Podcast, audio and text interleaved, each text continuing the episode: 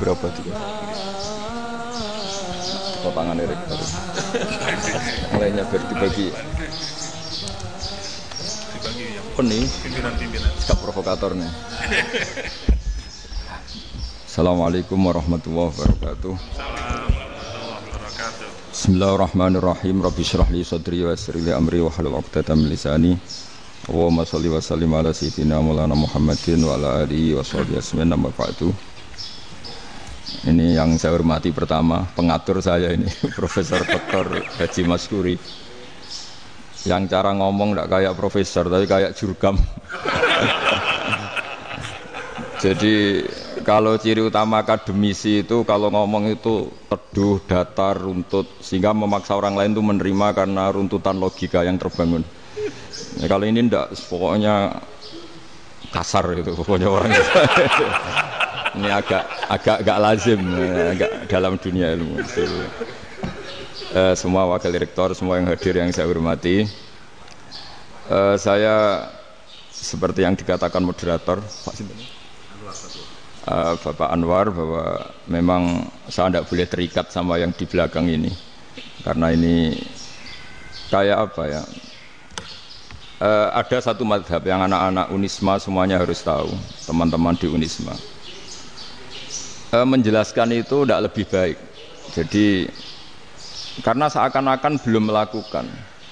Indonesia itu dulu kedatangan Islam itu tidak pernah dipertentangkan antara Islam dan negara. Sehingga diskusi itu itu sudah salah. Karena para wali itu tidak pernah mempertentangkan Islam dan ke keindonesiaan atau kebinikaan satu bahwa para wali itu misinya dakwah. Di mana-mana dakwah itu pasti ketemu yang berbeda mulai beda agama, beda pilihan madhab, beda tradisi, beda kultur jadi itu tidak perlu dipertentangkan tapi malah itu jadi lahan dakwah sehingga kita-kita ini kalau diminta diskusi hubungan negara dan agama malah bingung. Memangnya kenapa? Itu seperti dulu zaman P4 saya punya kawan di Jogja, teman saya nulis tafsir Profesor Zaini itu pernah zaman Pak Erto disuruh sosialisasi P4 di Papua. Apa hubungan Pancasila dan UUD 45? Itu orang Papua jawab, hubungannya baik-baik saja Pak. Jadi yang unik itu ketika disuruh baca Pancasila. Satu Pancasila. Dua ketuhanan yang Maha Esa. Nah, akhirnya enam kan? Kenapa Pancasila jadi enam? Jadi yang unik itu ketika ditanya. Ini saya melihat langsung di TV 7 itu Indonesiaku ini ada anak-anak kecil ditanya bendera ini milik siapa? Bendera merah putih itu. Jawabannya apa? Milik sekolahan pak. Aja. Karena memang milik milik sekolah itu yang tanya itu kaget. Milik sekolahan pak. Nah tentang tema ini eh, mohon dibaca ini langsung start ya langsung serius. Karena tadi sudah kayak jurkam tadi ini yang langsung khas khas ilmuwan. Ini sebagai penghormatan saya pada Yunisma ini khas khas keilmuan. Imam Zuhri adalah gurunya Imam Malik. Ya saya ulang lagi ya. Imam Zuhri adalah gurunya Imam Malik. Halaman 29 ini langsung start saya baca. Uh, halaman 29 dan ini terutama yang para punggawa-punggawa ini. Eh, saya baca ya. Ini tag tidak ada yang saya rubah. Memang persis seperti ini uh, Bismillahirrahmanirrahim. Yaqulu Zuhri ini gurunya Imam Malik. Fama futiha fil islami fathun qablahu kana a'zuma minhu. Innama kanal qitalu haitsul taqon nasu. Falam makanatil hudnatu wa wadu'atil harbu wa amana nasu ba'duhum ba'do. Wal taqaw fatafawadu fil hadith wal munaza'ah. Falam yaklim ahadun bil islami ya'qilu syai'an illa dakhula fihi walaqad dakhalataini kasanaten mislu mangkana fil islam qabla dzalika au aktsar terus ini ngomongnya harus santai, nggak boleh provokatif. oh, begini, kita tahu dalam perdamaian Hudaybiyah itu poin-poinnya itu semuanya merugikan Islam. Di antaranya adalah jika yang Islam masuk kafir harus dibiarkan karena berarti masuk ke habitat asli. Karena Nabi sebelum jadi Nabi komunitas pokok itu kafir sehingga kalau Islam masuk kafir kembali ke habitat. Tapi kalau Islam masuk kafir, apa kafir masuk Islam itu harus dikembalikan. Karena dianggap bid'ah. Maka kalau kamu dituduh bid'ah itu tenang saja dulu Nabi itu ya dituduh jikta bidinin muhdas. Kamu datang dengan agama yang baru. Cuma agak diteruskan wa kullu muhdasatin bid'ah wa kullu bid'atin dalalah. Jadi orang-orang kafir dulu kalau ngomentari Nabi ya jikta bidinin muhdas. Kamu datang dengan agama yang apa? Baru. Nabi nurut. Semua perjanjian yang merugikan Islam itu Nabi nurut. Tapi Nabi hanya minta satu hal, jangan ada perang 10 tahun. Dan orang boleh seminar, boleh diskusi tentang Islam. Ya ini dengerin betul ini. Jadi saya tidak akan provokatif, ini pakai logika nanti bisa dipakai disertasi doktor. Tapi saya minta orang boleh diskusi boleh seminar tentang Islam. Akhirnya saat itu juga ada orang yang masuk Islam. Di depan tulisan itu belum kering istilahnya. Datang ke situ namanya Abu Jandal bin Suhel bin Amr. Itu datang ke Nabi ya Rasulullah saya ini mau masuk Islam kata orang-orang kafir ini pertama Muhammad kamu komitmen enggak sama perjanjian? Kalau kamu komitmen harus kamu kembalikan. Nabi bilang ya Aba Jandal kamu kembali ke mereka ke habitat mereka yaitu menjadi kafir di komunitas kafir maksudnya. Akhirnya nangis. Umar Sayyidina Umar itu mendekati Abu Jandal kemudian memberi isyarat supaya ngambil pedangnya jadi syaratnya wong ini baca orang wis. Maksudnya orang-orang kafir. Tapi Abu Jandal nggak mau. Singkat cerita akhirnya kembali ke komunitas kafir. Tapi yang dikatakan Imam Zuhri cara analisis ini nggak bisa pakai provokatif, harus pakai analisis. Innama kanal kita lu haitsul takon nasu. Yang namanya perang itu menjadikan orang tidak berpikir jernih. Ini poin yang diambil oleh Rasulullah. Kalau dibahasakan Nabi curi kesempatan, masuk Nabi dikatakan mencuri, meskipun itu hanya bahasa ya. Enggak mungkin lah kita bahasakan seperti itu. Saya ulang lagi ya. Kenapa ada perang berkesinambungan? Sampai tahun ke-8 Hijriah. Mulai tahun kedua ada perang Badar sampai tahun 8 Hijriah itu perang terus. Nabi sama orang kafir perang terus. Akibatnya apa Pak Profesor? Namanya perang itu ya nggak kau bermikir. Pokoknya agar ketemu Islam perang, Islam ketemu kafir perang nggak kau bermikir. Padahal Islam itu bisa diterima oleh akal sehat, harus lewat diskusi, lewat pengamatan, lewat pemikiran, lewat pengendapan berpikir. Makanya Nabi tahu ini masalah besar. Kalau orang perang terus, itu gak kober mikir Islam, tidak sempat diskusi tentang Islam. Makanya Nabi hanya minta satu poin. Oke, perjanjian ini satu rutin semua, tapi saya minta orang kafir semuanya boleh mendiskusikan Islam, boleh seminar tentang Islam. Mereka bilang iya, pada pikiran mereka kan diskusi paling piye. Ternyata betul. Ada diskusi, terus temanya gini. Kira-kira bener di Muhammad Abu, Abu Jahal. Terus Tuhan Muhammad sama Tuhan Abu Jahal itu keren mana? Diskusi. Tuhan Muhammad itu kholikus samawati wal ardi yang menciptakan langit bumi sebagaimana kampanyenya Muhammad. Ya mereka masih jangkar bilang Muhammad. Kalau Tuhan kita ya berhala itu yang kita bikin yang kadang rusak, yang kadang kudanan terus lumutan pokoknya terus diskusi. Kita kok bener pengirannya Muhammad? Terus Muhammad Abu, Abu Jahal. Mulai disik Muhammad itu rata bodoh nih mulai dulu Muhammad tuh gak pernah bohong. Abu Jahal waduh wis bodoh nih ngongkonan. Wis wis ribet kan? Dan semua diskusi itu mengarah ke kebenaran Islam. Akhirnya ngomong kafir sing tokoh-tokoh ya coro Jawa yuk wah semane jebule masalah ini kan Artinya gini, kalau kita ingin Indonesia damai, sebenarnya yang untung itu Islam.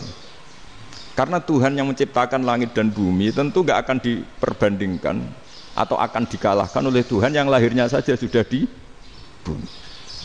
Misalnya kita menjual Tuhan Allah, siapa itu yang menciptakan langit bumi yang ada sebelum langit bumi? Bandingkan dengan Tuhan yang lahirnya di bumi, ada tanggal lahirnya, ada aktenya, itu kan sudah ribet kan? Begitu juga kalau memperbandingkan tokoh, Muhammad itu siapa? Tokoh yang bisa menyatukan pan Arabik, tokoh yang begini-begini, yang sayang istri, sayang keluarga. Dibandingkan dengan tokoh Abu Jahal Abu Lahab yang Corong Jawa penggaweannya yang ngerugikan orang lain. Akhirnya orang itu mulai tertarik sama Islam.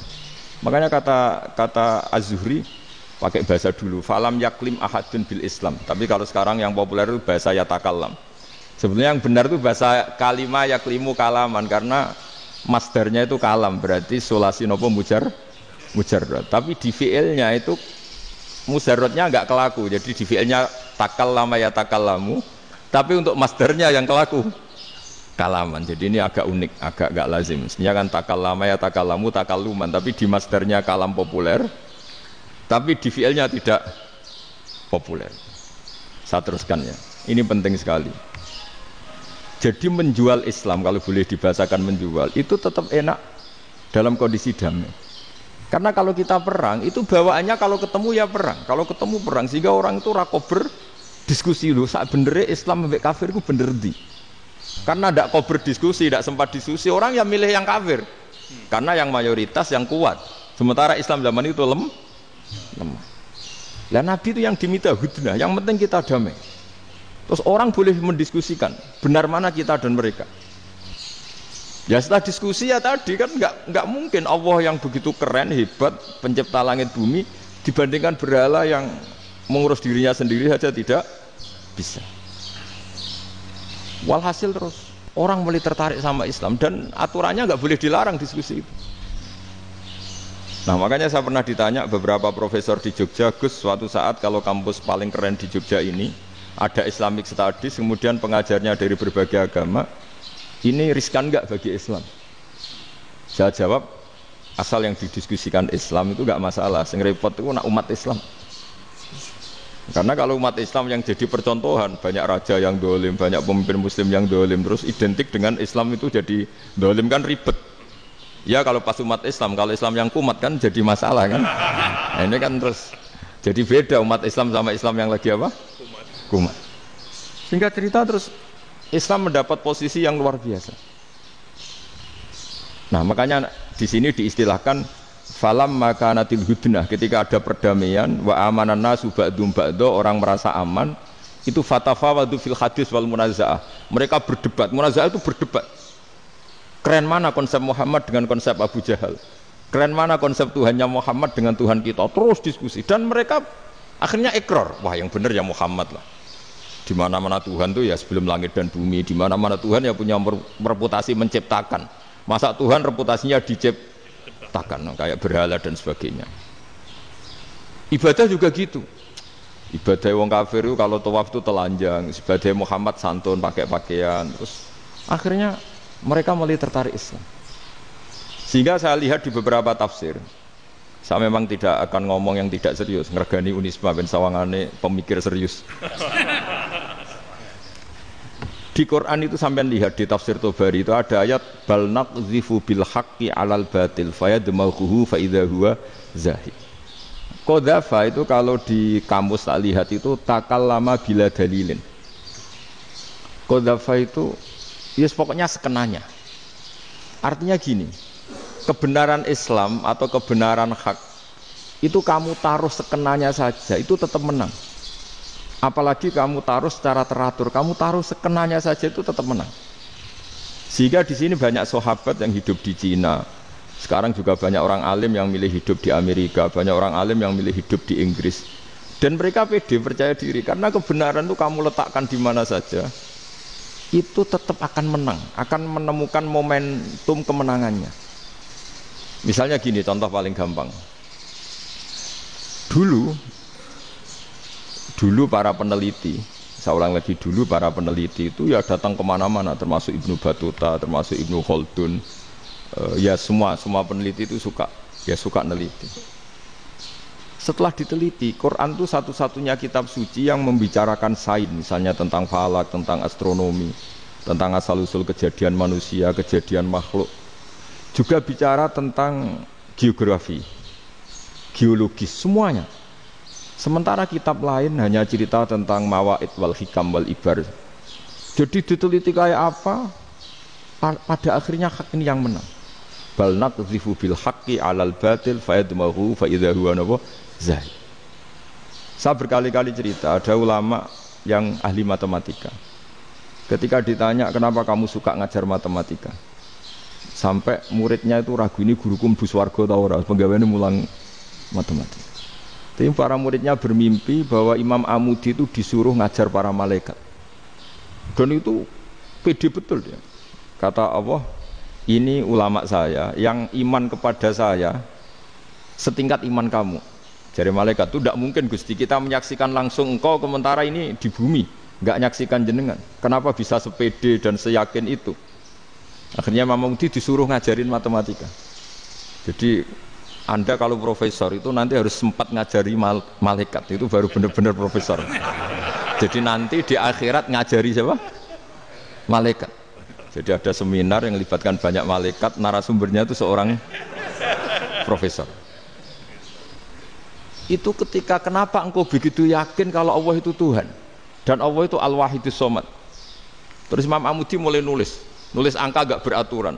2, 3, 4, 5 sampai 1 miliar, 1 triliun, semuanya gak beraturan.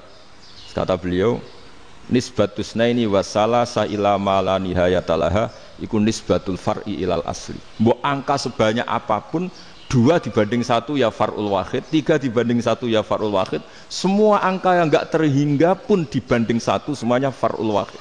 Semua angka sebanyak apa pun itu cabang dari angka satu. Fakullu hadil awalim far'un minal wahidis somat yaitu Allah Subhanahu wa taala. Wah, malaikat tepuk tangan, iya juga. Jadi begitu juga ada ulama itu ahli gambar.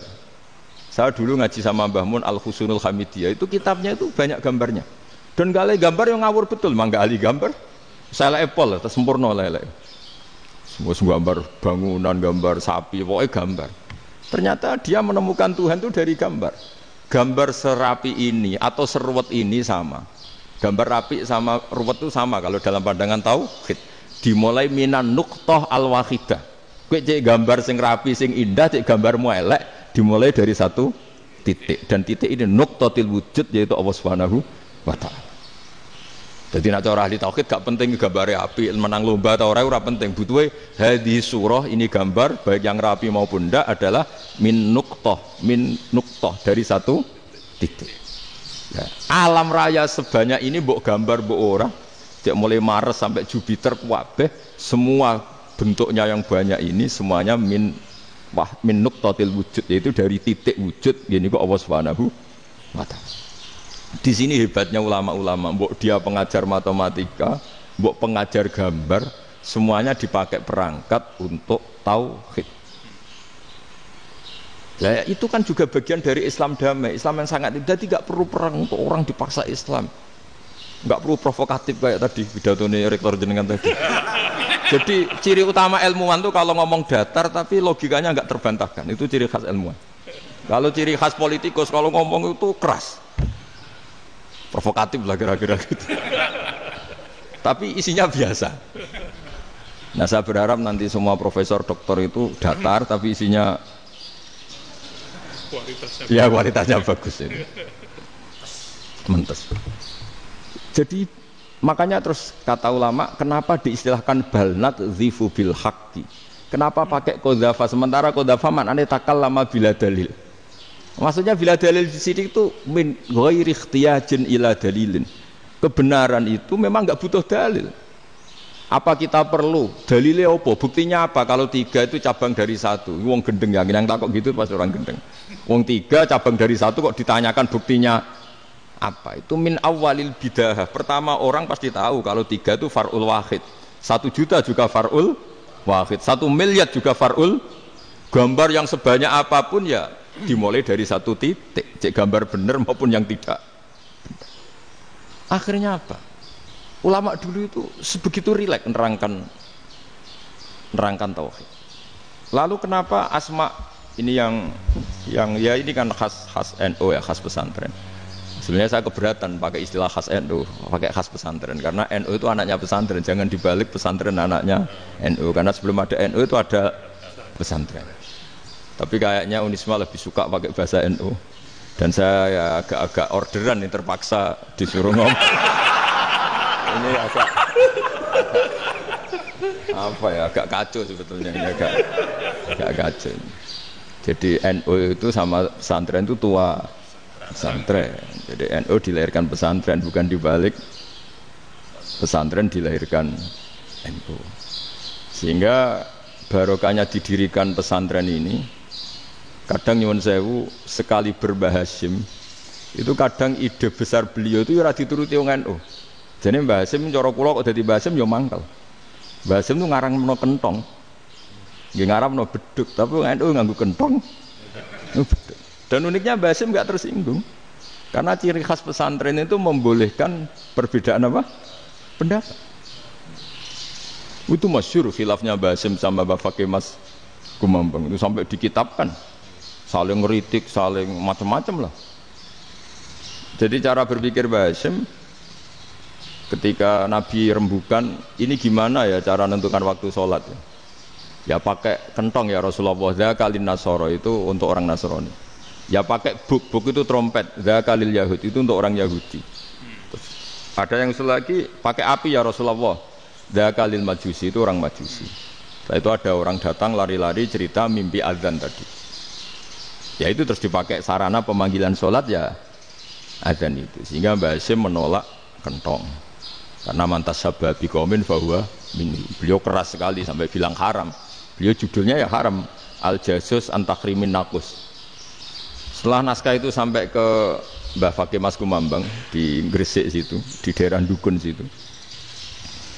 Dulu nggak ada WA ya jadi sampainya ya lama makanya saya sampai sekarang nggak punya WA karena ya saya ulama kan kalau WA nan terus ya jadi ulama nggak jadi ulama main WA nan terus itu Nah itu termasuk rektor gak kau bermikir itu mesti kebanyakan WA. Karena kan otaknya didikte oleh sesuatu yang masuk. Sesuatu yang dilihat itu kan pasti mendikte kita. Beda kalau yang enggak WA-nan kan mikir apa kita yang menentukan. Kalau WA-nan kan kita ditentukan. Mau mikir anaknya butuh apa gara-gara WA informasi Jakarta mikir Jakarta. Padahal secara kewajiban ngapain kamu orang Malang mikir Jakarta. Gara-gara WA, mikir Jakarta belum selesai ada berita di Sulawesi, mikir Sulawesi. Habis itu mikir NTT. Makanya semua orang sekarang merasa tokoh nasional gara-gara informasi yang masuk itu nasional. Jadi Mas Yo RT yang mikir gimana Gus Indonesia. Ada RT. Sampai lupa kalau dia itu RT. Jadi semua orang sekarang merasa tokoh nasional. Dan itu gara-gara apa coba? Akhirnya semua orang juga punya ide tentang nasional. Harusnya negara itu gini-gini. Jebule wonge sing duwe ikon itu sapa? RT. Ribet kan? Saya teruskan, setelah naskah itu sampai ke Kiai Fakih Mas Kumambang, beliau itu marah besar. Ini harus dilawan dan saya bukan karena benci Mbak. Beliau teman saya ketika ngaji Kiai Mahfud di Mekah. Jadi Mbak Fakih dan Kiai Hasim itu teman ketika ngaji di Mekah. Secara ngelawan tuh lucu. Lucu lucu. Gak ilmiah tapi gak ilmiah wong alim tetap ilmiah. Di mana mana serupa itu tidak sama. Ya kalau mungkin zaman Nabi di Medina itu zaman itu kentong itu identik dengan milik Nasrani. Di Indonesia beda. Pos kampling ya kentong. Kebakaran ya kentong. Wahai sarapan orang di LP ya pakai kentong jadi tidak ada jaminan kalau kentongan itu identik dengan nas Roni. Lalu haramnya di mana? Yang di mana-mana tasabuh itu identik. Ini tidak identik. Mulai masalah kan? Mulai masalah. Jadi beliau gaya judul Hazruus. Hazruus itu kepala bergeleng-geleng. Sekarangan kok ngene jadi sekarangan kok provokatif gitu gitu. Nah. Dan itu Mbah Hasim ya hormat Fakih ya hormat Mbah Hasim. Saya sendiri secara pribadi itu lebih suka mendapat basim sebetulnya. Karena bagi saya sholat itu sakral. Ya sudahlah kalau sakral ya dipanggil dengan sesuatu yang sakral yaitu kalimat toyibah azan.